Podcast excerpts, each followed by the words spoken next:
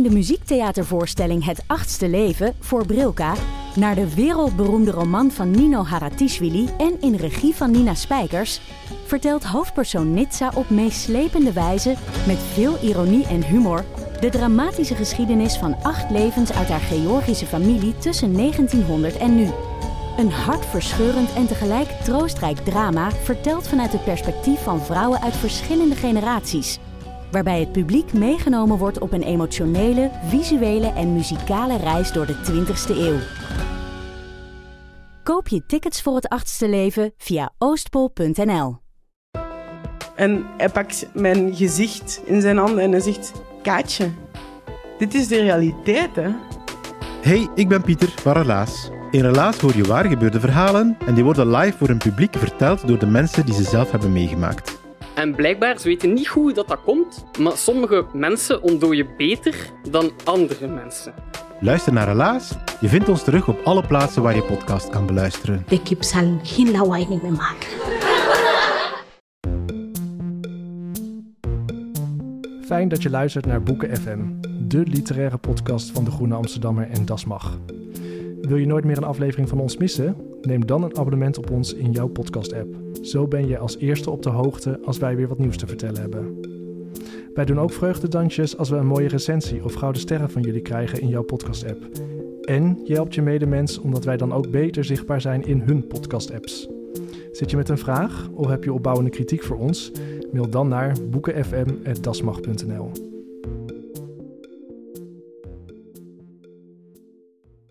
Dames en heren, heren dan.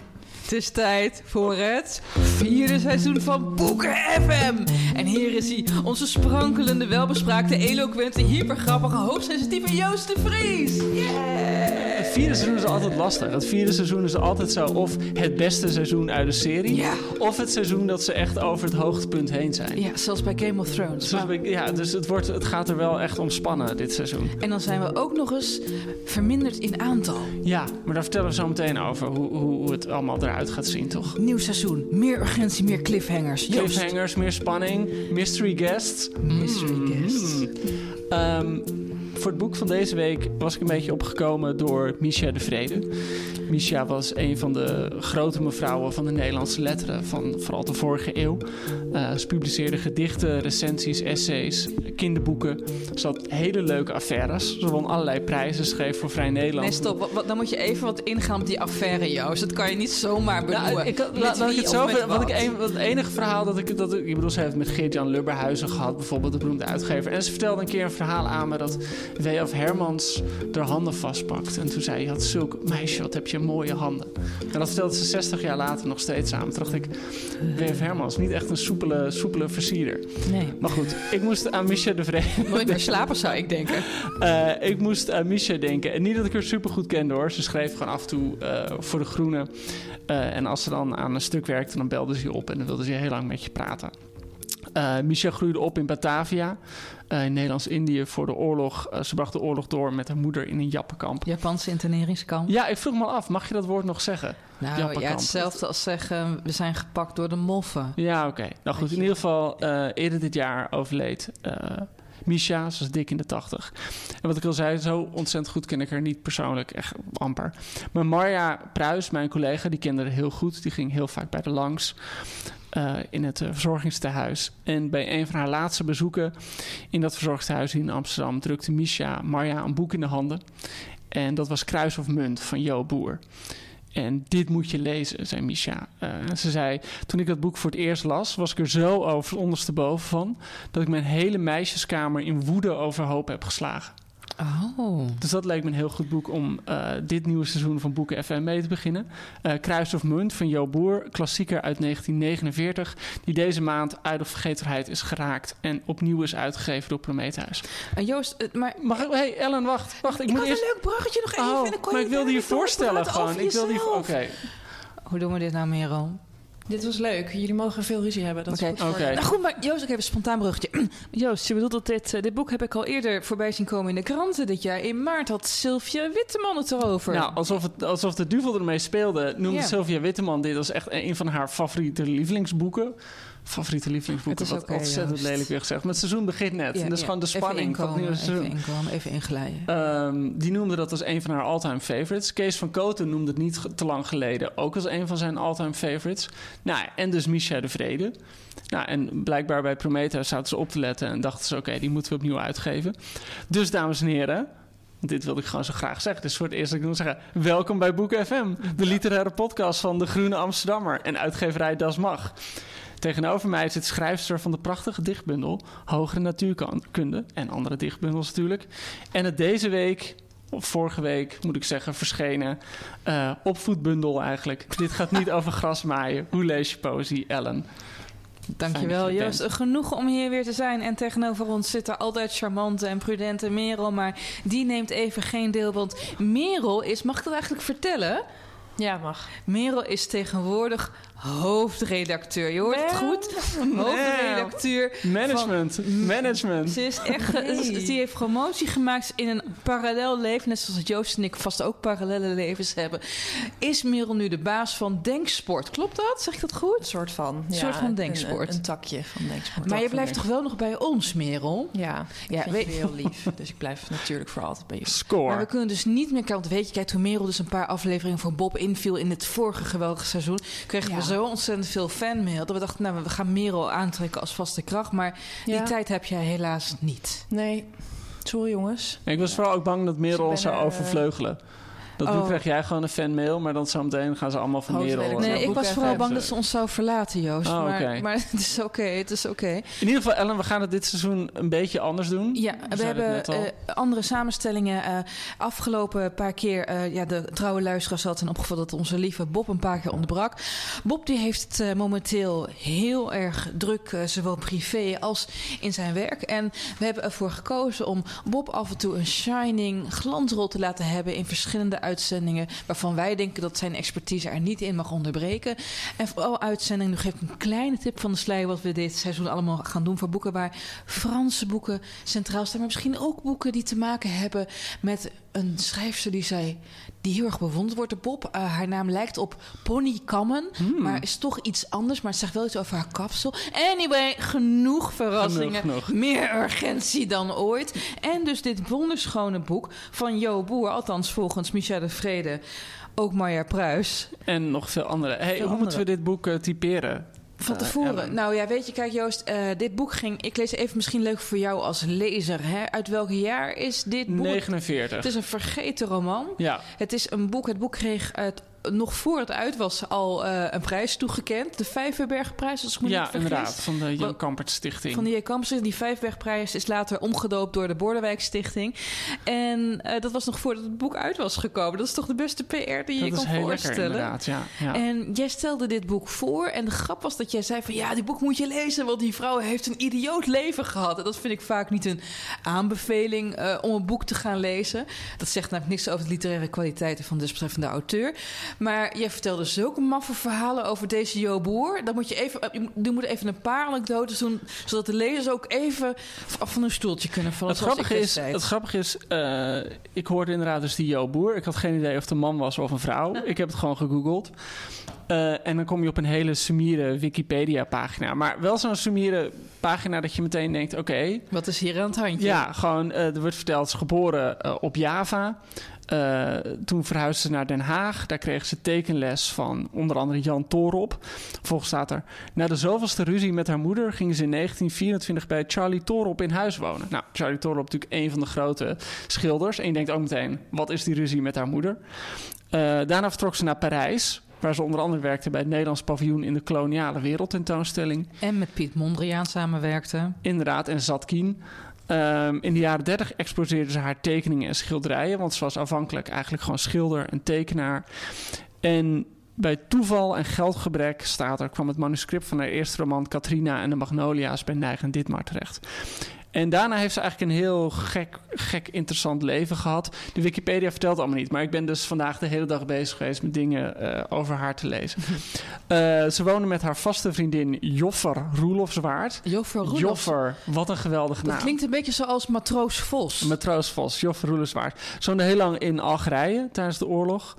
Eh, In de oorlog eh, was ze in dienst van de Royal Navy. Je hebt het over de Tweede Wereldoorlog nou, de hè? Tweede Wereldoorlog, ja, inderdaad. Eh, na de oorlog, eigenlijk vanaf 44, de bevrijding van Parijs, werkte ze op de Nederlandse ambassade in Parijs. En na de oorlog schreef ze eigenlijk in vijf jaar vijf romans. Eh, en vertaalde ze Sartre, Gore Vidal, D.H. Lawrence. Eh, en inderdaad, in 48 ontving ze de Vijverbergprijs voor Kruis of Munt. Eh, nog voordat het was verschenen, Bordewijk zat in de jury. En het gekke is, eh, ik bedoel, dit lees je zo en dan ga je gewoon allemaal nog meer dingen lezen. Want je denkt, ik wil hier nog meer over weten. En wat, ik kwam gewoon allemaal grappige anekdotes. Ik, ik kwam een stuk tegen, dat, dat zal ik even voorlezen uit, uit het Parool, 1965. En ze, in dit geval ze, hebben, nou goed. Ze moest soms dagen huilen omdat ze tegelijk met Reiner Maria Rilke geboren was. En de verhalen over haar rijgen zich maar aaneen en worden steeds gekker en gekker. Want wie liep er negen maanden in dezelfde jurk rond, dag aan dag? Jo Boer. Wie schreef er zulke enge griezelverhalen dat ze s'avonds fluitend door haar eigen huis ging om niet doodsbang te worden? Jo Boer. Wie smokkelde geld toen na de oorlog gelduitvoer verboden was? Jo Boer.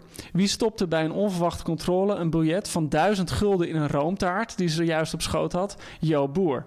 Maar wie neemt er nou een roomtaart mee in een trein naar Parijs? Jo Boer.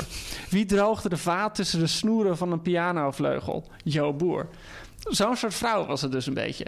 Gewoon iemand die helemaal haar eigen gang ging, heb ik het idee. Die eh, ja, deed waar ze zin in had. In eh, 1948 eh, nou ja, la- laat me nog een, een andere anekdote vertellen die ik heel, heel grappig vond. Eh, in 44, september 44 werd Parijs bevrijd van de Duitsers. Zij keerden meteen terug om, wat ik al zei, voor de ambassade eh, te werken. En dan vertelden ze dit. Ehm, ik woonde in Parijs in een klein tuinmanshuisje. Mijn poes ontsnapte naar de tuin van de buren. Ik ging er achterna.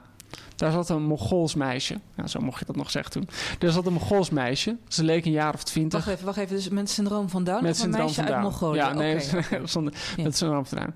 Ze leek een jaar of twintig en zat te huilen op een bank in de tuin. Ze miste haar vader. Ik troostte haar, hield haar hand stevig vast.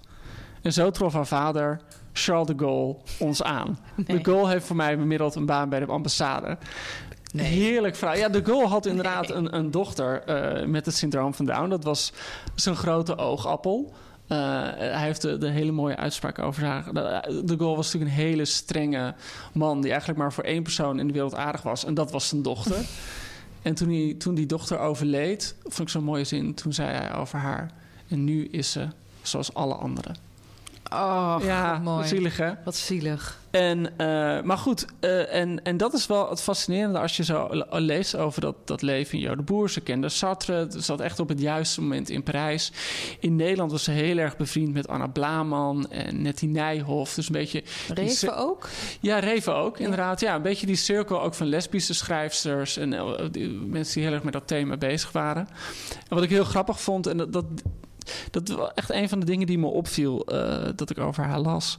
Eh, ze vertaalde Lady Chatterley's Lover van Ja. D.H. Lawrence. Die ken je wel. Ja, natuurlijk. Eh, dat is natuurlijk het boek van Lawrence, waarin hij ja, vrijer dan ooit over seks schreef. Dat was nog nooit zo gedaan ongeveer. Ja, over nou ja, zelfbeschikking van de vrouw over het orgasme. Maar ja, vrouwen kwamen klaar. Nou, dat, ja. dat, dat, was, dat was nogal een big deal. En zij vertaalde het. En ik kwam een recensie tegen van FC Domenicus.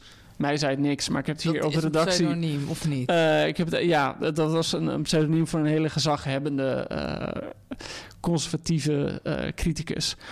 En wat hij hem heel erg verweet, wat hij haar heel erg verweet, dat stond ik, kwam ik tegen. ehm, dat zij, dat de boer, vooral een prijs op heeft gesteld. de smerige woorden. die in het Engels door een beginletter en een streepje waren aangeduid. dus in het Engels waren ze weggecensureerd. voluit te vertalen door platte, vieze uitdrukkingen.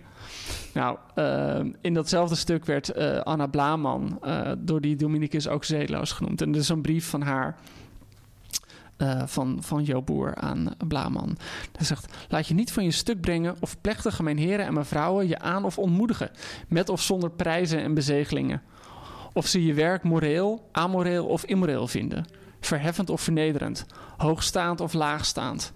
Wij hebben samen meneer Domenicus zo boos gemaakt dat voor zijn constitutie en zijn huisdokter pleit dat, hij, dat ik zijn doodsbericht nog niet heb gelezen in de krant. Heus, lieverd, het is om te juichen en wij doen immers zelf lekker wat we willen.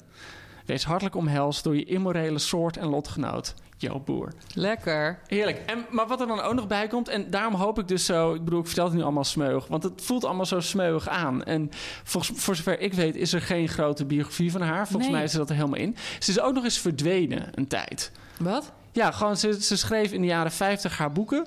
Of in de jaren, eind 40, jaren ja. 40. En de jaren 50 was ze gewoon een beetje kwijt. Nou ja, goed, kortom, daar zou iemand... Ze is in 93 overleden trouwens. Eh, daar zou iemand... Maar goed, ik, ik praat nu met een enorme omweg. Maar het voelt gewoon zo grappig dat dit echt een vrouw is... die een beetje vergeten lijkt. Ik zat door die recensies eh, uit de jaren 40, 50 heen te bladeren. Het is echt ongelooflijk hoe badinerend ze zijn. Ja. Het is helemaal damesromannetje dit, eh, Ja. vrouwtjes. Het is Ellen Kruis of Munt. Of vond je dat een damesroman? Oh nee, nee, nee, nee, nee, nee. Nee, eh, ja, la- laat, ik, laat ik met het begin beginnen. Eh, eh, als ik het boek zou moeten typeren, zou ik zeggen: dit is eh Couperus 2.0. Eh, sterker nog, door dit boek lijkt Couperus zelf een discount Couperus, om het maar zo te zeggen. Nee, het, we maken in het boek. Ik zal even het plot Ja, voor het uiteenzetten. We maken in dit boek uit ja, kennis met een bijzonder dysfunctioneel gezin. Een, een grootvader, grootmoeder, hun eh, drie kinderen, waarover zometeen meer. En een kleindochtertje. En een kleindochtertje, dat heet Jopie, Jopie, Landman. Dus je hebt geen idee of dat naar Jo Boer verwijst. Maar we Ja, gaan toch voor het gemak uit van wel. En die familie, de grootvader Oh Bruno. god, zal ik heel eerlijk zijn dat ik dit dus nog niet bedacht had... dat Jopie Landman een soort letterlijk jouw boer is? Je moeder heeft echt doorgerokt. Oh, mijn moeder heeft echt, ja, ja die heeft doorgerookt. Je zo'n Ja, vast kindje, gewoon, Joost. Ja, ongelooflijk. Oké. Ja, is ga door met je verhaal. Het is oké, het is oké. Die eh, grootvader, de patriarch van de familie Bruno Waringa. Nou, Ja. Het is een, een vrek, een inhalige iemand waar wij vergeleken waren naar nog gul lijkt. Die man die doet alles om handel te drijven, alles om winst te halen. En die is in der tijd getrouwd met zijn volle nicht Johanna. En eh, op zich, kijk, incest komt natuurlijk in de beste families voor. Dat is een prachtige traditie. Het is een goede traditie. Nou, het, het, het is dus, je houdt gewoon op, je houdt het in de familie dan. Maar eh Jo Boer, en daarom trok net die vergelijking met Couperus. Hè. Ook in de boeken van Couperus, als al zijn nauwe familieleden met elkaar gaan trouwen, dat is niet altijd aanbevelenswaardig volgens hem. En in het geval van deze Bruno en Johanna leidt het ook tot op zijn minst teleurstellend nageslacht. Er komen uit die verbindenis drie kinderen voor. En je moet eh, weten, lieve, schrijf, lieve lezers, ja, je zijn ook schrijvers ongetwijfeld. eh, op het moment dat Bruno en Johanna getrouwd zijn, gaan ze naar Indië om daar fortuin te maken. En Bruno die gaat bij wijze van spreken over lijken voor geld. En al vrij snel worden er drie kids geboren. De oudste, Agathe, beeldschoon, super zwoel. Want ja, dat is ook een beetje zo'n cliché uit die Indische letteren. Als je kinderen opgroeien in Indië, dan zullen ze wat ze toen zo noemden verindischen. Ze worden wat luier, ze worden zinnelijker. Ja. Ze willen de hele tijd de kinky doen en zo. Ja. Eh, ze, ze zijn echt niet vooruit te branden. Eh, en die oudste dochter, genaamd Agaat, die heeft daar al een flinke neiging toe. Ga ik zo verder op. Tweede kind is de zoon Charles, die, ja, die houdt van bloemetjes en parfums en zijn nagels veilen. Je ja, voelt je hem voelt, je aankomen. voelt hem in de lucht hangen. En de jongste, Aletta, ja, die lijkt, eh, die, die- als, als kind ziet ze er heel lieflijk uit. Maar het blijkt al snel, dat wordt herhaaldelijk gezegd in de roman, dat zij toch echt een, een waringa is. Namelijk iemand die zijn hele leven lang getekend zal worden door hoogmoed. En als je kijkt naar dit gezinsleden, zijn allemaal stuk voor stuk mensen die compleet entitled zijn. Zij vinden dat zij recht op het allerbeste en meeste hebben. En zij deinzen er niet voor terug anderen te bedriegen en te bestelen daarvoor. Nu, in Indië. Op een zeker moment, hè, het gezin, iedereen wordt geslachtsrijp. Nou, met kinderen is het altijd even uitkijken als dat gebeurt. En een van de grotere nachtmerries wanneer je als wit gezin je in de kolonie vestigt, komt dan uit. De oudste dochter, Agaat, die wordt verliefd op een hele knappe Indo. Een, eh, ja, een, een Sinjo, zo noemen ze dat. eh, man van adel, beeldschoon, super lekker, soort Bruce Lee. En eh, Bruno, de vader familias, die verbiedt haar om met hem te trouwen. En uiteindelijk laat hij deze dochter, die stemt, hij stemt toe stemt in met een huwelijk met deze jonge man. Ik ben zijn naam even kwijt. Robert. Robert? Dutil de Roemersviel heet hij. Ja, lange, de lange, lange naam. Lang, moeilijk, moeilijk, moeilijk. En op een gegeven moment zegt die Bruno van Agathe van tegen Agathe van... Nou, weet je wat, je mag met een trouw, maar ga eerst toch even mee naar Europa. Ja. Dan moet ik wat zaken doen. Het is handig als mijn oudste knappe dochter erbij is. En in Europa, dat ontdek je later, laat hij haar wegstoppen in een gesticht. Ja, maar wat ik daar ook heel pijnlijk aan vond, want daar, daar begint het boek een beetje mee. Dat hij dan, dat Johanna, eh, dus de moeder, die gaat dan langs bij eh Agathe. En die zit daar bij de familie van Robert de Dutil. En ehm, nou, die beschrijft zo'n heel mooi beeld. eh, gewoon hoe die familie daar zit aan een tafel. Maar die beschrijft dan allereerst zit er natuurlijk helemaal die, ja, die, zo'n zo'n keiharde koloniale blik erin.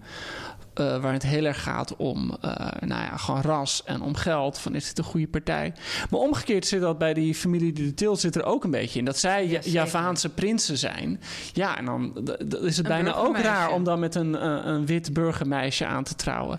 Dus eigenlijk zit die Agathe op een soort van onmogelijke positie. Dat die, die Robert zegt zoiets van... ja, ik hou van haar, dus ik kan haar niet laten gaan. Maar ik kan ook niet met haar trouwen. Dus ja, wordt ze eigenlijk een beetje zo tussen het wal en het schip eh Ja, maar de tragedie is, en dat is die hoogmoed. En dit, dit lieve lezers en luisteraars, eh, voordat jullie denken dat we het hele plot meteen gaan verklappen. Dit Nee, gaan we niet doen. Dit gebeurt aan het begin. Maar het zet gewoon helemaal de sfeer van wat er gaat neer gebeuren. En dat je ook weet wat voor een krachtenveld zometeen de hoofdpersonen later met elkaar eh, ja, strijd zullen leveren. Deze, de- deze Indische prins, hij is natuurlijk niets minder dan dat. Hij is ook super knap en aantrekkelijke sexy en alles en zo. Eh, die vindt hij wel leuk, maar die zit ook net op het kantelpunt dat hij over de eerste heen is. Hij heeft haar Dat ook is een al beetje wat het is. gehad, Ja, hè, of ja, hij heeft- gekend. Zo noemen ja, ze dat in ja. de jaren 40. Hij heeft er al gekend. Hij heeft kennis gehad van deze dame. Ja, nam, nam, nam. En hij denkt, ja, ik vind het wel leuk, maar ik weet niet. Dus hij zit er ook met een driedubbele agenda. Nou, Ageet gaat mee naar Europa, die wordt weggemoft in een gekkenhuis. Wordt daar uiteindelijk ook gek van, ja, wie wordt er niet gek Ja, ik vind het heel. Wat ik zo pijnlijk vind, is dan het, dat hoofdstuk. Het, het- wat me opvalt aan dit boek. eh, soms denk je wel eens gewoon oude boeken kunnen uit aanvoelen. Maar er zit een super vaart zit erin. Ja, dit gaat, dit, jongens, dit is Eh, actie hoor. Dus dit hoofdstuk eindigt ermee dat ze Ja. gewoon met die vader naar eh, Nederland vertrekt, naar Europa. En dat die vader in zijn eentje weer terugkomt. En dan het hoofdstuk daarna is die moeder inmiddels, Johanna, is eh, samen met eh, kleine Aletta, is die ook in Nederland. En dan blijkt dus dat er maanden overheen gaan voordat ze een keer bij haar langs gaan. Ja. Terwijl ze gewoon in Den Haag zit. Laten ze gaan er met een koets rijden ze er zo naartoe. Dus er- zit al zo'n kilte in die familie. Dat er gewoon maanden overheen gaan voordat ze een keer het kind dat ze zelf weggestopt hebben in een, eh, in Een inrichting. van, inderdaad. hey ja. yo, was En dan dat? komen ze daar langs en is die Agathe is helemaal een beetje kinds geworden. Dus die vraagt alleen van, oh, heb je speelgoed voor me meegenomen? Of heb je eh, wat lekkers eh, meegenomen? Ja. Heel hard meteen. Het is heel hard. Zit verderop nog wel iets ontroerends is. Maar eerst nog even terug naar het hele voorland. Oh ja, sorry. Dan heb je dus die Agathe, die is weggestopt. Dan heb je die Charles, die eigenlijk al die tweede, tweede kind, de zoon, die wordt, zit al vrij snel, is die, eh, zit hij in Argentinië, daar zogenaamd handel te drijven. Maar ja, hij is ook inert. We weten inmiddels allemaal dat hij zo gay is als een confetti-kanon. Dus weet je wel. En Bruno Waringa, die heel graag ook een erfgenaam wil. Ja. Die ziet wel in dat, eh, dat deze Charles niet eh, geen gaat- nageslacht gaat gaat, doen, verwekken. nee. En dus is de hoop gevestigd op de jongste, Aletta Waringa. En op een zeker moment gaat Bruno weer op neer naar Europa. En hij neemt daar twee jonge mannen mee... die hij gaat opvoeden eigenlijk tot zijn compagnons. En een van hen is Bernard Landman. En je voelt hem al aankomen, dat wordt de vader van Jopie Landman... en dat wordt de toekomstige echtgenoot van Aletta. Nou, Bernard en Aletta proberen elkaar een beetje het hof te maken. Aletta is wel gecharmeerd. Bernard is een bijzonder knappe vent. En ze gaan met elkaar trouwen. En denk je, nou prima, happy end. Maar dan, en dat is iets wat je niet zo snel in de boeken van Couperus tegen zou komen, maar wel in de boeken van D.H. Lawrence. Het seksuele aspect van het huwelijk is voor Aletta een complete nachtmerrie. Ja. De huwelijksnacht wordt echt, eh, nou, ze, ze, ik weet niet hoe ze zwanger raakt, maar ze beschrijft als één grote walgelijke carnaval van vlees. En dat moet natuurlijk, dat beschrijft Dio Boer ook gewoon heel fantastisch. In die tijd, heel veel meisjes die kwamen op de bruiloftsnacht in de echtelijke sponden terecht. Geen idee wat ze Geen i- Ja. Er waren heel veel mensen die kinderloos bleven, omdat ze dachten dat het via de navel moest. Ja. Ja. De navel, Joost. Ja, nee, de ik- navel. We hebben het allemaal eens geprobeerd. Nee, Joost. Dat werkt Nee, niet. nee. En maar wat, wat ik ook wel mooi beschreven vind in eh, eh, eh, die Bernard Landsman, dus, dus haar man. Zo iemand die keihard gewerkt heeft. Hij werkt dus voor het bedrijf van die vader. En eigenlijk is dat ook een beetje wa- wat je net al beschreef, wat er gebeurt, wa- wat een beetje het, het eh, cliché is van wanneer ze naar Indië gaan. Is dat hij dan voor het eerst met zijn vrouw op huwelijksreis gaat en dan voor het eerst niet hoeft te werken. En gewoon lekker eet en slaapt en seks heeft. En eigenlijk breekt er iets in hem. Dat op dat moment. Eh, ik bedoel, hij is zeker niet een van de, de, hoofdpersonen in het boek hoor. Maar ik vind dat wel mooi beschreven. Dat op dat moment is eigenlijk waar hij zo hard voor gewerkt heeft in vervulling gegaan. En het hoeft dan vervolgens niet zo nodig meer voor hem. En opeens zie je gewoon die blik. Gewoon, zo iemand, zo'n social climber. Die gewoon in Indië zijn fortuin moet maken. En eigenlijk zit hij nu bij de juiste familie. Hij heeft de juiste baan. Hij heeft de juiste vrouw. En hij heeft zoiets van. "Mwah, wel prima zo. Nou ja, aanvankelijk, maar nou, gaandeweg. ja, wordt- gaandeweg zie je dat natuurlijk. Ja, dan gaat die blik dwalen en dan gebeurt er natuurlijk van alles. Want die hoogmoed der Waringa's heeft ook, gaat ook zijn eh, wissel trekken op dat huwelijk. Want, beste luisteraar, op een gegeven moment wil deze Bernard Landman... nou, die wil ook weer even zijn geld krijgen. En zij krijgt natuurlijk ook een toelage omdat hij met Aletta is getrouwd. Dan blijkt dat Aletta, dus zijn nieuwbakken vrouw... al voor het geld zou gaan. Dat de vader, Bruno, maakt al het geld aan haar over. Dus als eh, deze Bernard dus een sigaartje wil kopen... dan moet hij aan zijn vrouw om toestemming vragen. En dat is eigenlijk het begin van het einde. Ja, dat Want is- dat- die ja. Bruno en die Aletta die lopen hem constant te bitch slappen, te vernederen, weet je wel. Het gewoon, elke dag is het de roast of Bernard. Ja. Het houdt niet op. En dan tegen het einde van Aletta's zwangerschap... en Aletta tijdens de zwangerschap... die is ook gewoon helemaal in puin. Die is verlept, die is ongelukkig... die walgt van het kind dat ze draagt. En vlak voor ze moet bevallen... denkt Bernard, ja, eh, het is wel mooi... Die neemt de benen met een andere vrouw. En dat, mensen, is dus het begin. Dit is de achtergrond waartegen dit verhaal zich afspeelt. Het kind wordt geboren. Lijkt heel erg op de vader, pijnlijk genoeg. Het gezin moet vervolgens naar Nederland emigreren vanwege wat zakelijke Ja, ja, ja. omstandigheden of zoiets. Ze belanden in Den Haag waar ze niemand kennen, in een klein huis. Dan begint de ellende. Ja. Wat ik nog heel even dit, ik bedoel, dat vond ik, ik moest er hard op om lachen. Eh, het boek heeft een best wel een soort van. Ja, het is gewoon keihard, maar af en toe ook dus heel sardonisch daardoor. Dus ik moest heel erg om lachen dat die, ehm, ja, die Bernard is naar een bal en die komt niet terug van het bal. Eh, nou, dat soort van het, het Nederlands-Indische equivalent van een pakje sigaretten halen Ja. is blijkbaar. Ik ga naar de sociëteit. ik zie, eh, ik zie je vanzelf weer. Ja, ja, ja. En dan komt die man van eh, de vrouw met wie die verdwenen is, die komt naar haar toe. En dan is- naar, naar Aletta. De Aletta, ja. En dan zegt hij. Je zult zien, meisje, dat ze samen vandoor zijn gegaan. Die knappe man van je en mijn Maaike. Reeds haatte Aletta de klank van de naam Maika. Een Maaike, de naam van een aanstellerige idioot. ik opeens denk van, goh, zou ik nooit over de naam Maaike nagedacht? Maaike, maar ja, nu ik hem gehoord heb, dan zal dat toch voor altijd... Ik vind Mike een hele leuke naam. Een hele leuke naam. Is zijn alleen maar leuke mensen die Maaike heten. Dat is Zo- helemaal moeten we vast, eh, moeten we vast erbij zetten. Maar dat toont inderdaad, want dit boek is echt... eh, n- nou ja, ik, ik geef geen spoilers. Ik vertel dat eh, die Jopie die groeit op in dat gezin in Den Ja. Haag. Iedereen is een controlfreak. Iedereen wil Ja. de baas worden van dat gezin. Iedereen wil ook gewoon de baas worden van het op handen zijnde familiefortuin. Want ja, er dat gaat er heel erg over. Waringa's in de rest van Nederland die, die een kasteel hebben. Ja, en een staten hebben ze ergens in Waringa- over. Ja. Waringa staten in Friesland. Iedereen loopt elkaar extreem te manipuleren om dat geld maar in handen te krijgen. En dat is aan de ene kant ontzettend grappig. Je hebt bijvoorbeeld een nichtje, Nelly, die probeert van haar oude moeder. Ze is eigenlijk aan het wachten tot die moeder doodgaat en zij het enorme fortuin kan incasseren. Daar loopt ze al, terwijl die moeder nog een beetje seniel aan het worden is, loopt ze al stukjes te stelen. Weet je wel? Hier dan een paar cent, hier als ze boodschap doet. Nee, nee, nee, het was toch iets duurder dan gerekend. Dus net zoals die Nelly heeft ook die Aletta Waringa een soort enorme sok onder haar bed. Waarin het gestolen geld van de familie zit. Wat ze eigenlijk gebruikt om wanneer eindelijk de oudere generatie dood is. zelf eindelijk de vrijheid te smaken waar ze zo lang naar heeft verlangd. En in dat krachtenspel groeit dat kleine meisje Jopie Landman op. Een meisje klein, zo wordt ze beschreven, kwetsbaar, lelijk. En Agathe, of eh, Aletta, en dat vond, ik heel, dat vond ik heel mooi en heel wrang in het boek, heeft een ontzettend ambiguur verhouding met haar dochtertje. Enerzijds haat ze haar, Ja. ze lijkt op Bernard. Ja. Eh, al gauw snel in het boek blijkt ook dat zij het kind de hele tijd op de kop geeft, omdat de vader haar heeft verlaten. Uh, overigens, op een gegeven moment erkent deze Aletta ook niet meer haar eigen schuld in het verlaten van die vader. Ze erkent niet meer dat hij ze hem kapot heeft getiraniseerd en hem financieel heeft Nee, er afgesneden. wordt ook heel, heel sneu beschreven dat de Jopie dan op school is. En eh, dat, dat dan wordt eigenlijk wordt opgemerkt... van je kan beter een dode vader hebben of een, dan gewoon geen vader. Het is alsof haar vader gewoon het hele bestaan van die man... alsof dat gewoon uitgegumd is. Nou ja, en het is een schandaal Ja. natuurlijk. En eh, de- gedurende haar hele jeugd probeert die Jopie... die heeft een soort ideaalbeeld van de vader. Op een gegeven moment komt ze indirect ook in contact met die vader. Gaan we niet verklappen, maar dat zet haar hele wereldbeeld... als het ware eh, op zijn kop.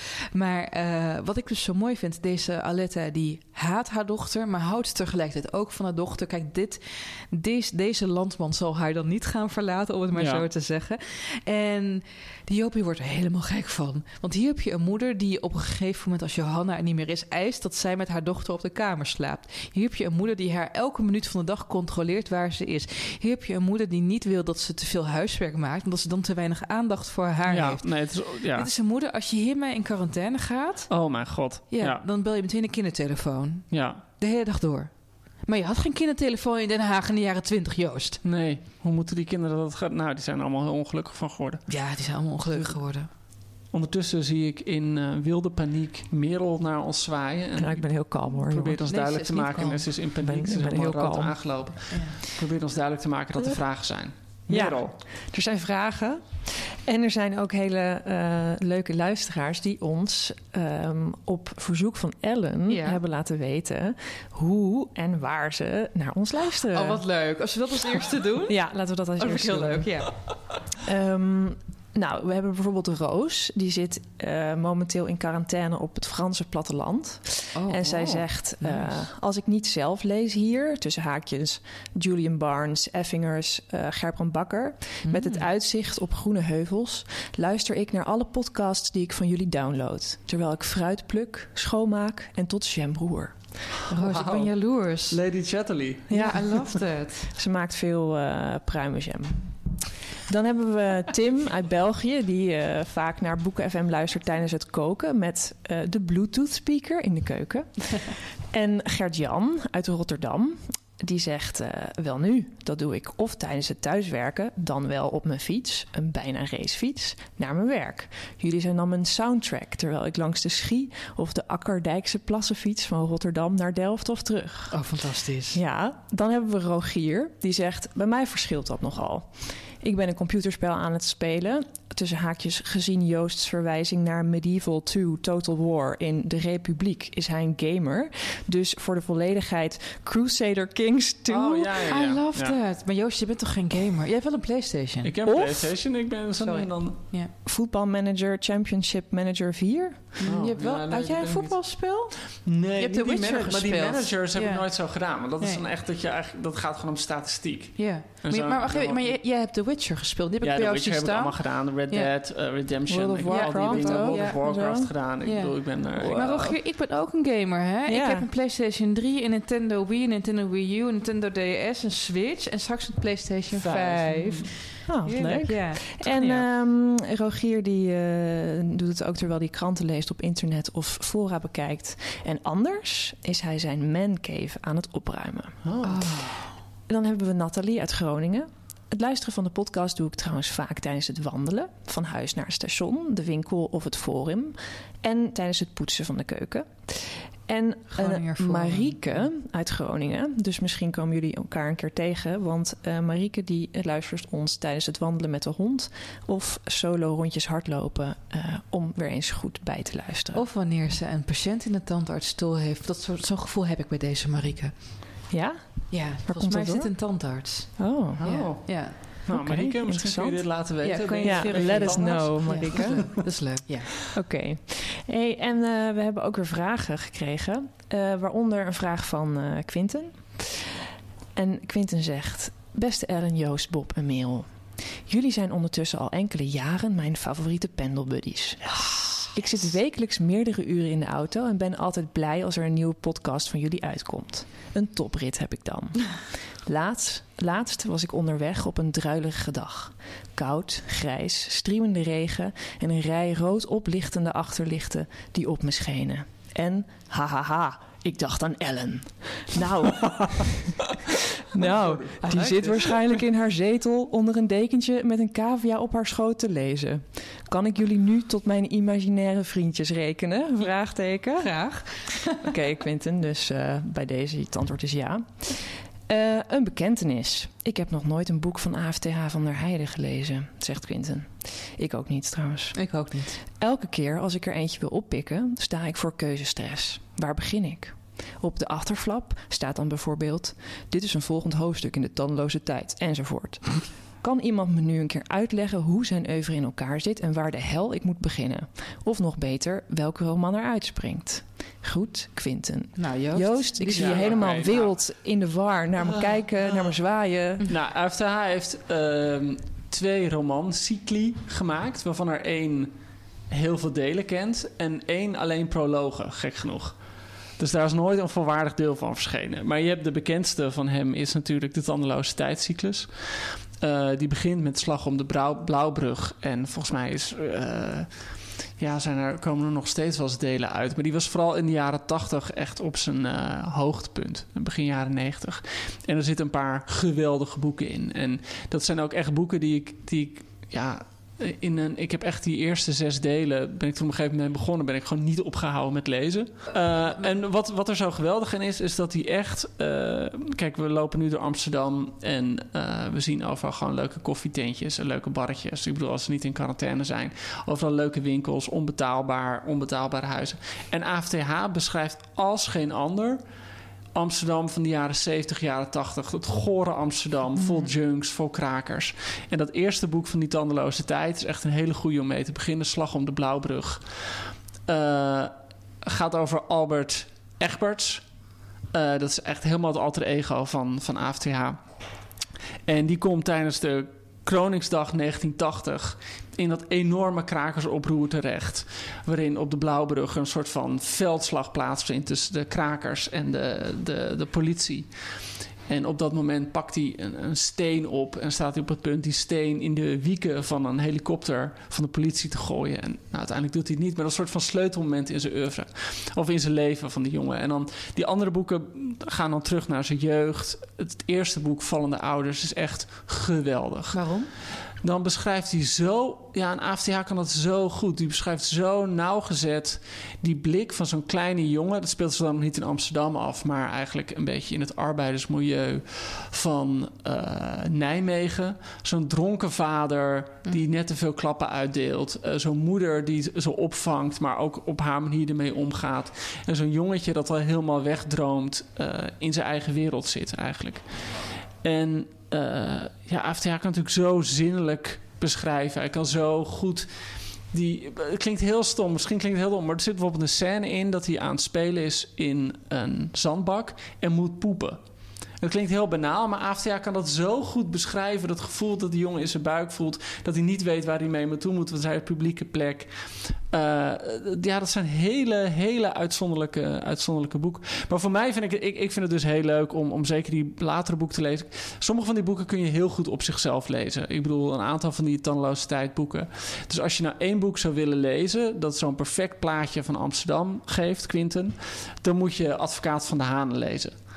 En eh, dat is, zoals wel veel meer boeken van AFTH, gaat dat over. ehm, is het deels opgehangen aan een waar gebeurde zaak. In dit geval een kraker die werd gearresteerd.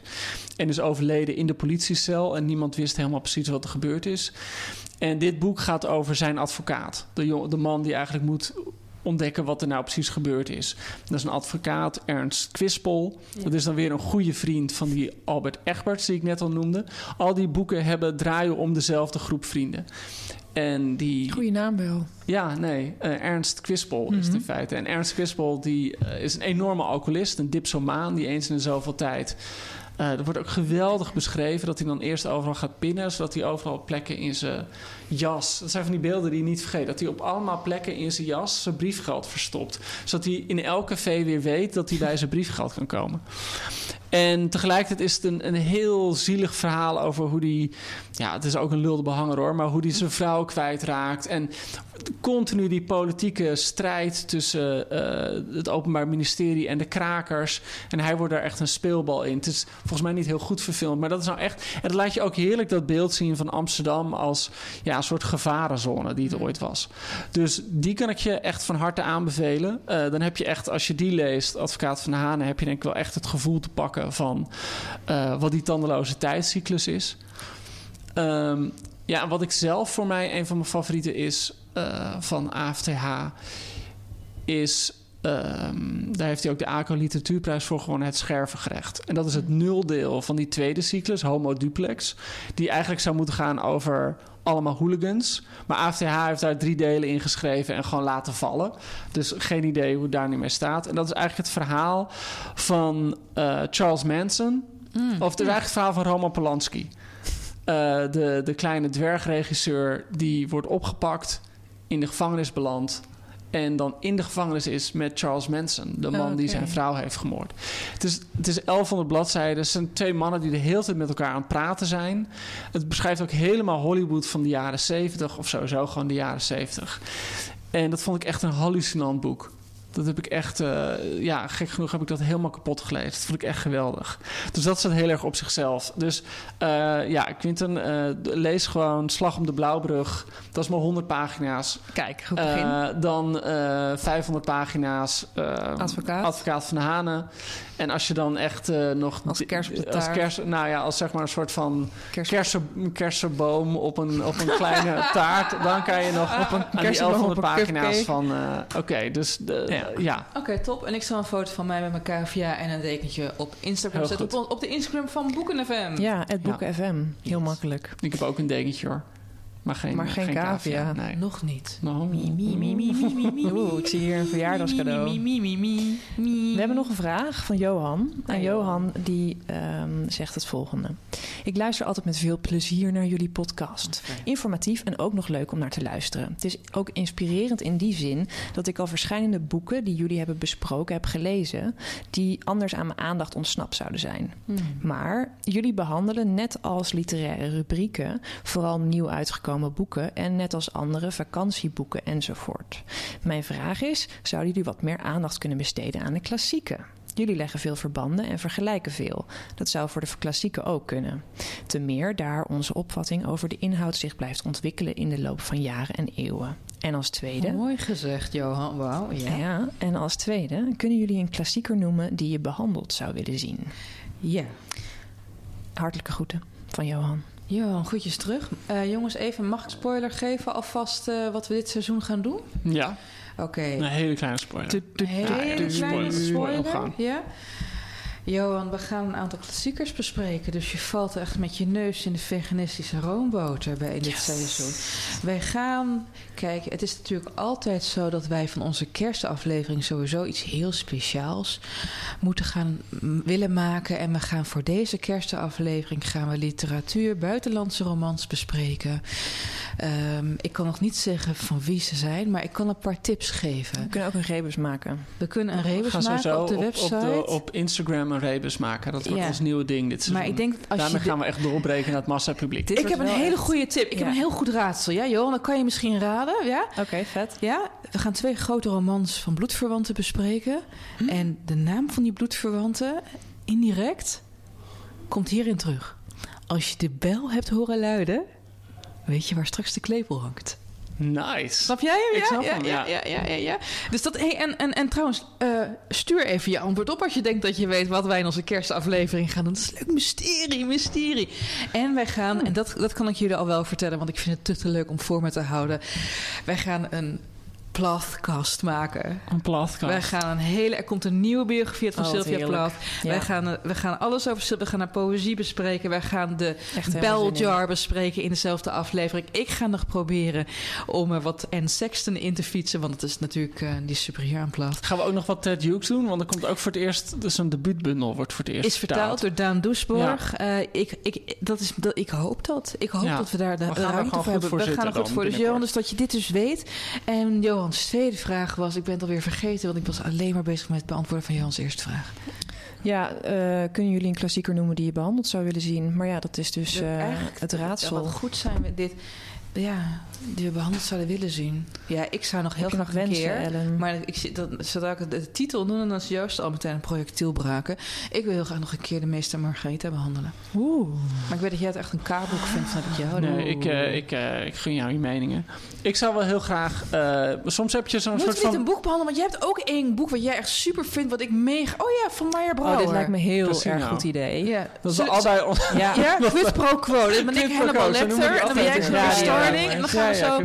Wat, wat- wat- maar soms zoek je een reden om een klassieker te herlezen. Dat is altijd zo lekker. Bij de Groene heb je soms de mazzel dat je dan eh, gewoon een mini-special kan bedenken over een schrijver. Maar wat ik bijvoorbeeld nu uit de kast, eh, wat ik heb neergelegd, wat ik heel graag wil lezen, is ehm, van George Eliot. Oh, Middlemarch. Eh, Middlemarch. Want je- ieder- ik, ja, maar iedereen zegt me altijd hoe geweldig dat is. En dat komt er gewoon nooit van. En Ik dat daar zou heel ik graag graag een keer lezen. een ja. excuus voor hebben om het te Geef lezen. uit, maar kunnen we dat niet... Ik heb hem gelezen en het is zo'n... Ja, Ja, dat ik zegt vind het geweldig, dus. toch, Ellen? Middelmaart, ja. Ja, dat is Heb jij het misschien gelezen, wel- dat-? Dat, is misschien het enige boek wat ik hier een 10 zou geven. Oh. Wow. Wow. Wow, nou. Maar goed, maar nu weet George, je, als je dit hoort. er zit heel veel... Ja, als ze ooit nog... Ze willen George Eliot's boeken trouwens onder haar eigen naam weer gaan uitgeven, hè? Ja, wat Mary Jane Evans. Zoiets, Zoiets, zoiets, ja. zoiets, is maar de andere keer discussie. Merel, waren er nog meer vragen? Eh, ja, natuurlijk. We hebben zeeën met vragen. Maar ik wil eigenlijk nog twee andere dingetjes Oh. even noemen. Weten jullie nog dat ik het had over die twee vrouwen uit Groningen die ons luisteren tijdens het wandelen?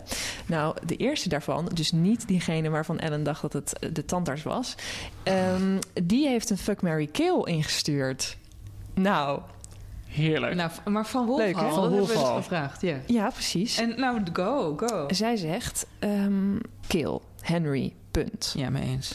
Fuck en Mary, rave. Ja, bij Settlers natuurlijk. Slim, Ja. Tactisch, integer en geweldig hoe hij kiest voor zijn vrouw Helen. Oh ja, ja, voor degene die nog niet Wolfhal heeft gelezen, schaam je!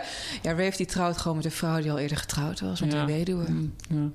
Misschien moeten, kunnen mensen, we kunnen het ook omdraaien, dat mensen, eh, de luisteraars, gewoon sowieso fuck, Mary kill lijstjes kunnen insturen. Gewoon over hun favoriete boeken Oh of eh boekenseries. En dan kunnen wij meedenken eh Harry of Potter, wie wij zouden... Fuck, eh, Mary Kill van Harry Potter. Ja, Fuck, Kill. En van Ja. de Hunger Games.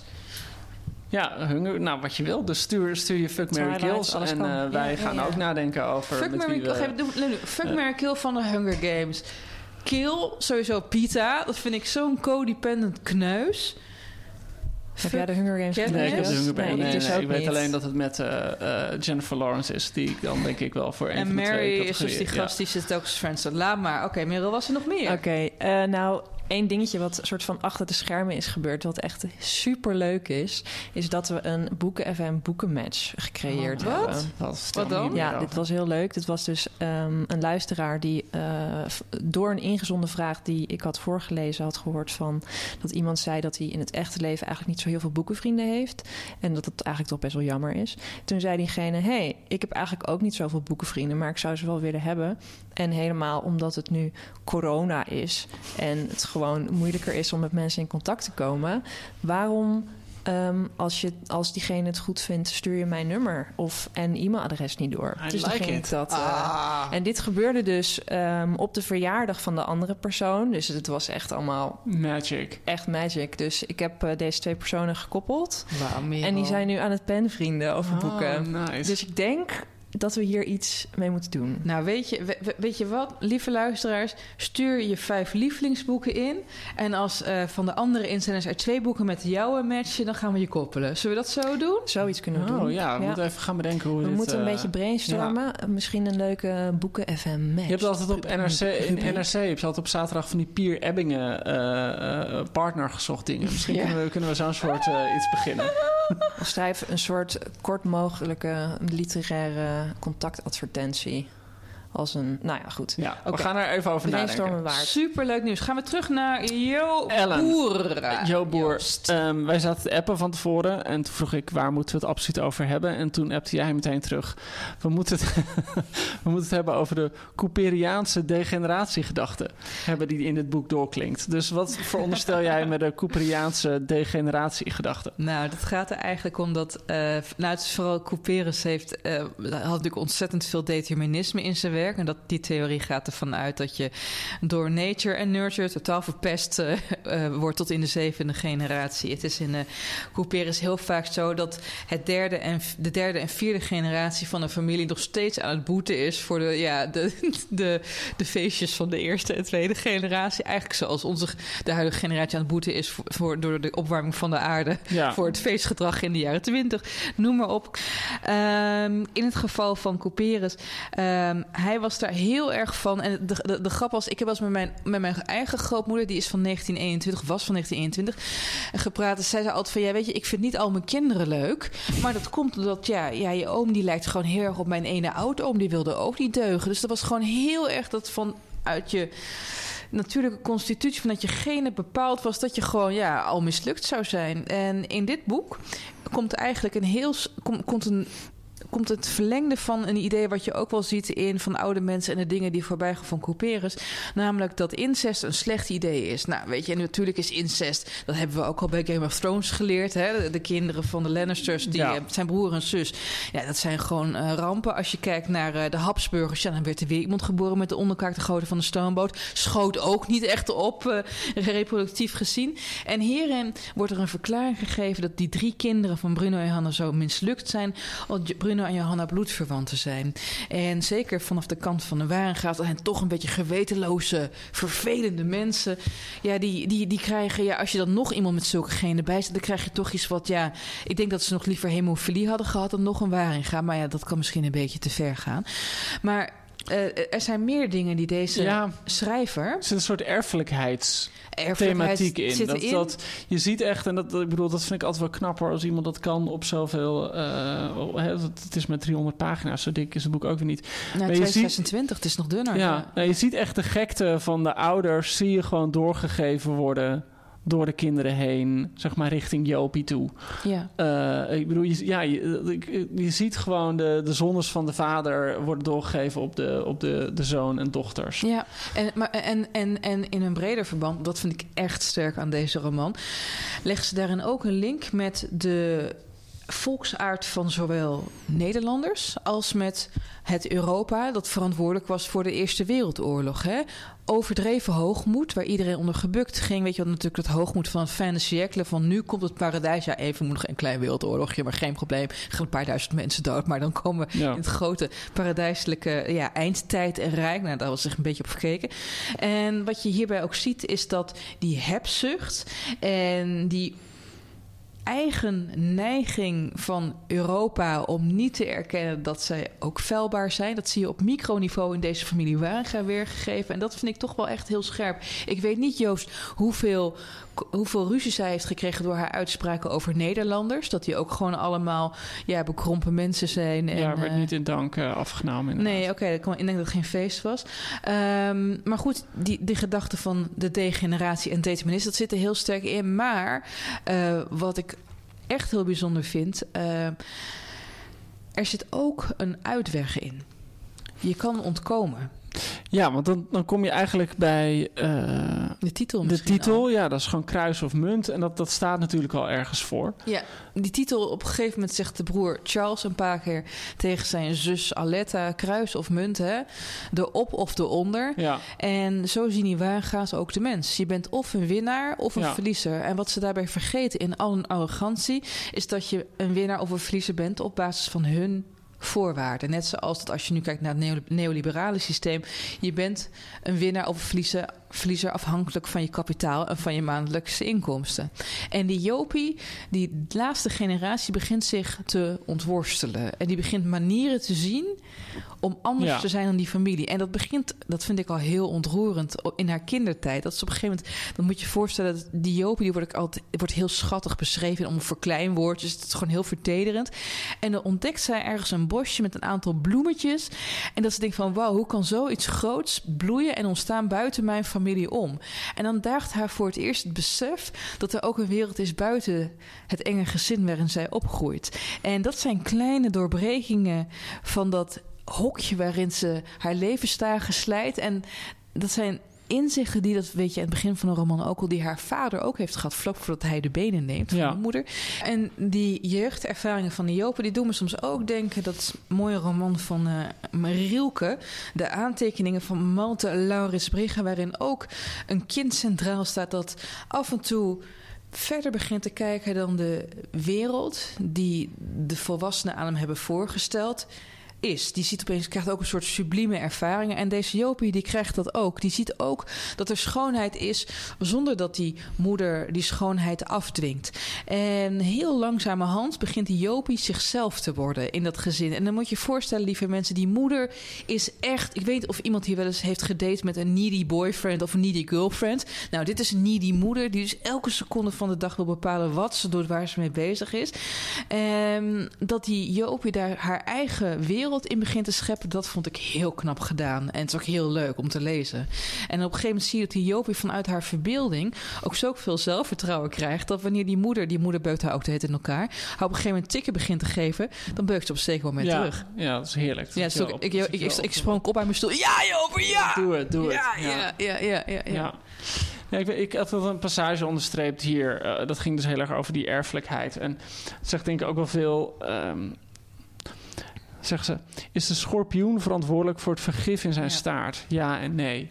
Niet de schorpioen als eindresultaat is verantwoordelijk voor de afzichtelijke dood die hij verspreidt, maar de lange rij der schorp van de schorpioenen, die langzaam van wezen verwisselen tot aan het protoplasma der allervroegste aardedagen, die het vergif in zich hebben verzameld en vermeerderd als middel om een eigen vormgeving te geraken. Wat, wat ik, wat, ik vind het wel grappig wat je zei eigenlijk van het idee dat er een soort van determinisme in zit. Het is inderdaad een beetje, eh, als je terug gaat naar de jaren 20, jaren 30, dat je eh, Oswald Spengler hebt die eigenlijk met zo'n filosofie komt van elke beschaving heeft een soort van natuurlijk verloop, een soort van cyclus waar je doorheen gaat. En eh, in dit geval is het gewoon een cyclus die op is. Die gewoon aan zijn Ja, werdegang... uitgeput. Ja, die gewoon uitgeput is. En al die dingen die belangrijk waren... die zeg maar de generatie voor... Bruno en Johanna nog van super belang waren, die zijn los aan het laten. En ze raken eigenlijk dat kader waarin ze succes afmeten, waarin ze een sociale positie afmeten, dat kader verdwijnt. Ja, het komt ook omdat succes en geld echt corrumpeert. Ja. Dat, eh, je ziet op een gegeven moment, dat vond ik heel ontroerend. Op een zeker moment ehm, heeft eh, Aletta de kans om Jopie erfgenaam te laten worden van de twee oudste en kinderloze tantes in de familie. En die twee tantes, opgegroeid als zusjes uiteraard, die hadden twee hele rijke maar alcoholistische ouders. Die ouders hebben toen het familiekasteel verspeeld. Die tantes hebben via heel slim manoeuvreren dat kasteel teruggekocht. En vervolgens hun ouders verboden er ooit nog een voet in te zetten. Ja, Dat ja. zegt ook iets over die strijd tussen de generaties. Helemaal dat echt een thema is Ja. in deze roman, wat ook heel grappig is. Ik heb ook Ja. zo moeten lachen op die dat, ruzies. dat, dat is wel gewoon, dat vind ik een van de dingen. Aan de ene kant is het een boek dat, dat soms de genade echt mist. Het is wel af en toe echt bikkelhard. En, en weet je wel, dat, dat gewoon zeker die Bruno... eh, die af en toe echt zo naar zijn kinderen kijkt en denkt: het stelt allemaal niks. Ik ja, voel een soort niks. Karamazov. Ja, echt. eh, en tegelijkertijd moest ik er soms keihard om lachen. En eh, ik bedoel, dat- dat het lievelingsboek van Sylvia Witteman is, snap ik wel. Omdat Ja. het een beetje zo'n soort humor is. Ja, het ook. is even grappig als haar columns. Dat ja, nee, gewoon je merkt dat het een bepaalde hardheid heeft. Wat, wat vond je van de taal?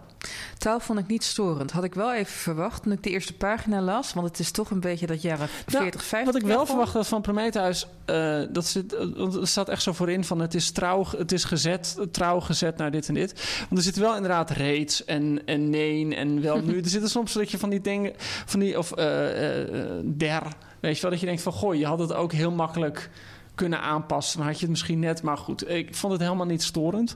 Ik vond sommige dingen echt... eh, nou, mag ik mag gewoon de eerste... Het waren twee dingen die me bij, bijbleven. Go. Ik ga niet het laatste hoofdstuk voorlezen... want dat is echt verbluffend Ja, mooi. verbluffend. Ik was er echt... Ik heb daar alleen maar laatste hoofdstuk, ik heb dat echt... Ik was gewoon dat je echt stilvalt van wauw. Ja.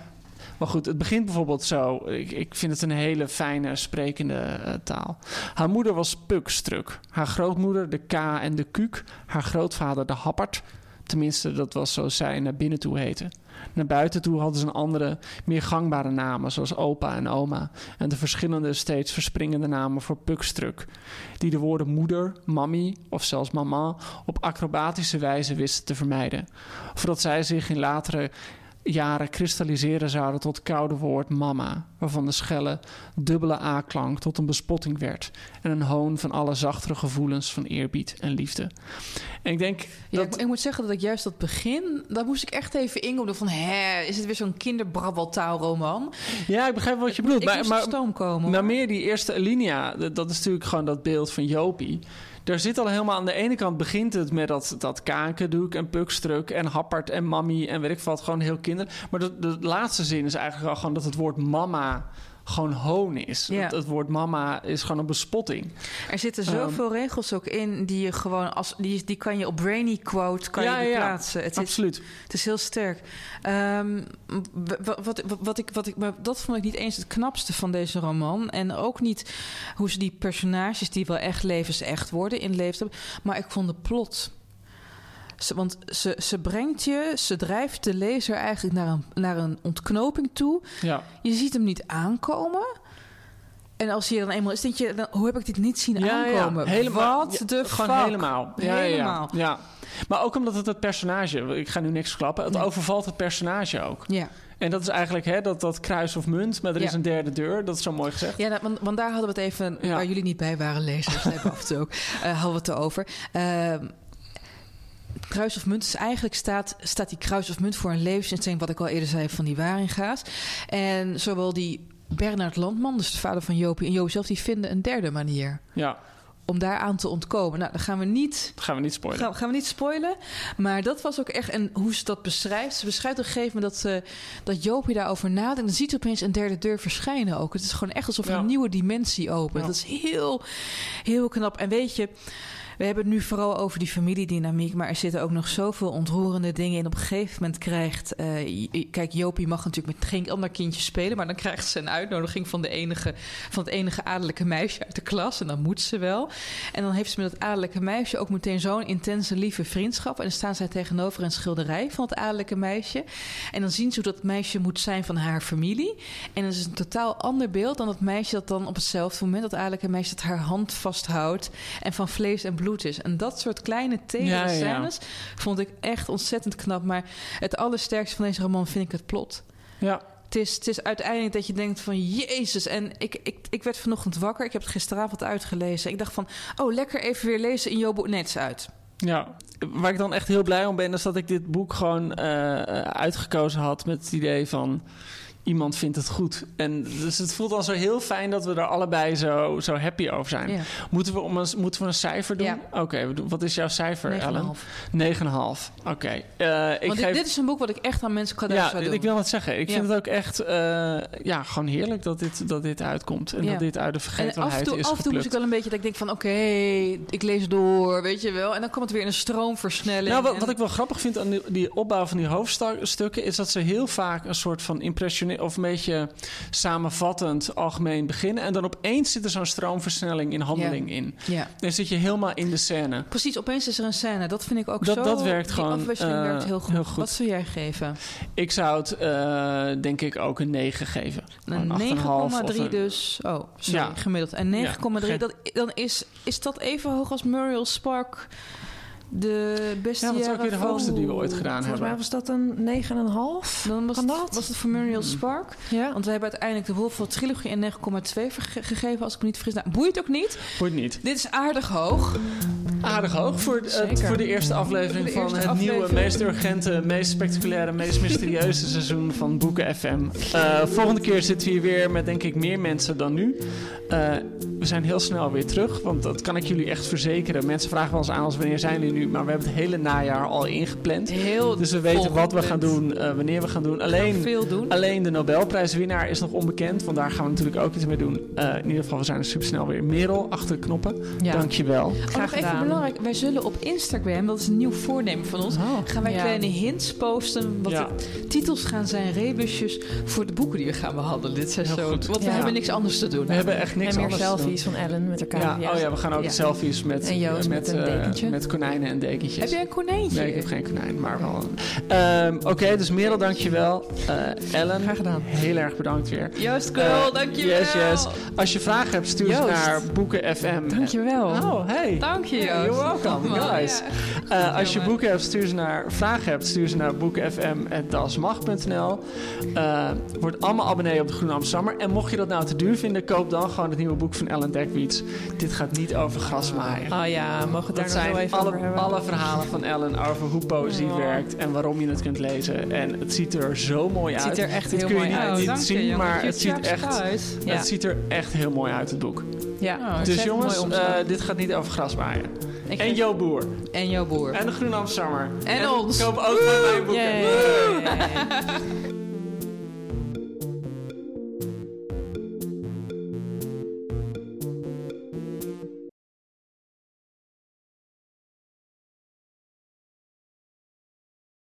Even over die grootse en epische muziektheatervoorstelling. Het achtste leven voor Brilka is een marathonvoorstelling van 5 uur. Koop je tickets voor deze bijzondere theateravond via oostpol.nl.